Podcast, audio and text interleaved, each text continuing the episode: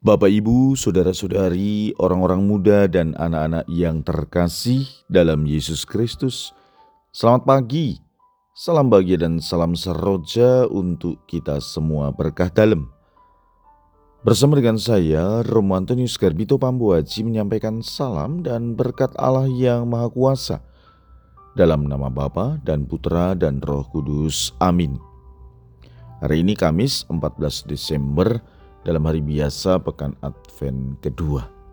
Bertepatan dengan peringatan wajib Santo Yohanes dari Salib, Imam dan Pujangga Gereja. Bacaan pertama dalam liturgi hari ini diambil dari kitab Yesaya bab 41 ayat 13 sampai dengan 20.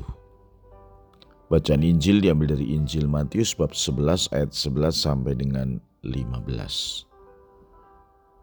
Pada suatu hari Yesus berkata kepada orang banyak, Aku berkata kepadamu sesungguhnya di antara mereka yang dilahirkan oleh perempuan tidak pernah tampil seorang yang lebih besar daripada Yohanes Pembaptis. Namun yang terkecil dalam kerajaan sorga lebih besar daripadanya. Sejak tampilnya Yohanes Pembaptis hingga sekarang kerajaan sorga dirongrong dan orang yang merongrongnya mencoba menguasainya. Sebab semua kitab para nabi dan kitab Taurat bernubuat hingga tampilnya Yohanes. Dan jika kalian mau menerimanya, Yohanes itulah Elia yang akan datang itu. Barang siapa bertelinga hendaklah ia mendengar. Demikianlah sabda Tuhan, terpujilah Kristus.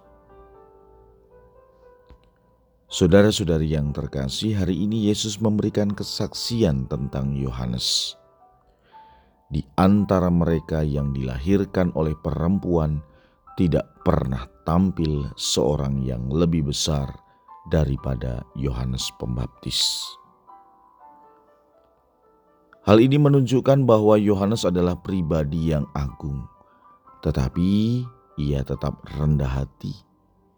Dan kerendahan hatinya nampak jelas lewat kata-katanya bahwa membuka tali kasutnya pun aku tidak layak. Atau Yohanes juga pernah mengatakan, "Aku harus semakin kecil dan dia harus semakin besar."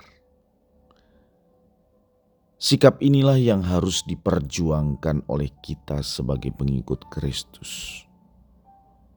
Kita boleh bangga menjadi orang Katolik, tetapi hendaknya kita tetap rendah hati.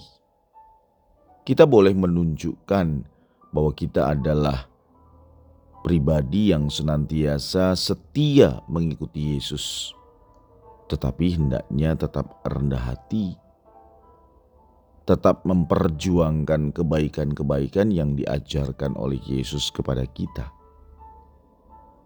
Maka, saudara-saudari yang terkasih, marilah di masa Advent ini kita terus senantiasa berjuang, berkorban untuk menjadi pribadi yang besar tetapi tetap rendah hati. Pribadi yang menyatakan bahwa Yesus adalah raja atas diri kita, tetapi juga senantiasa menyadari bahwa tanpa Dia kita tidak akan selamat. Marilah kita berdoa.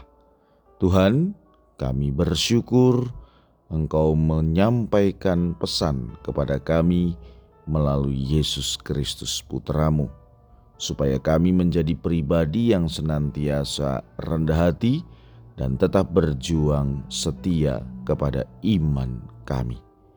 Berkat Allah yang Maha Kuasa, dalam nama Bapa dan Putra dan Roh Kudus.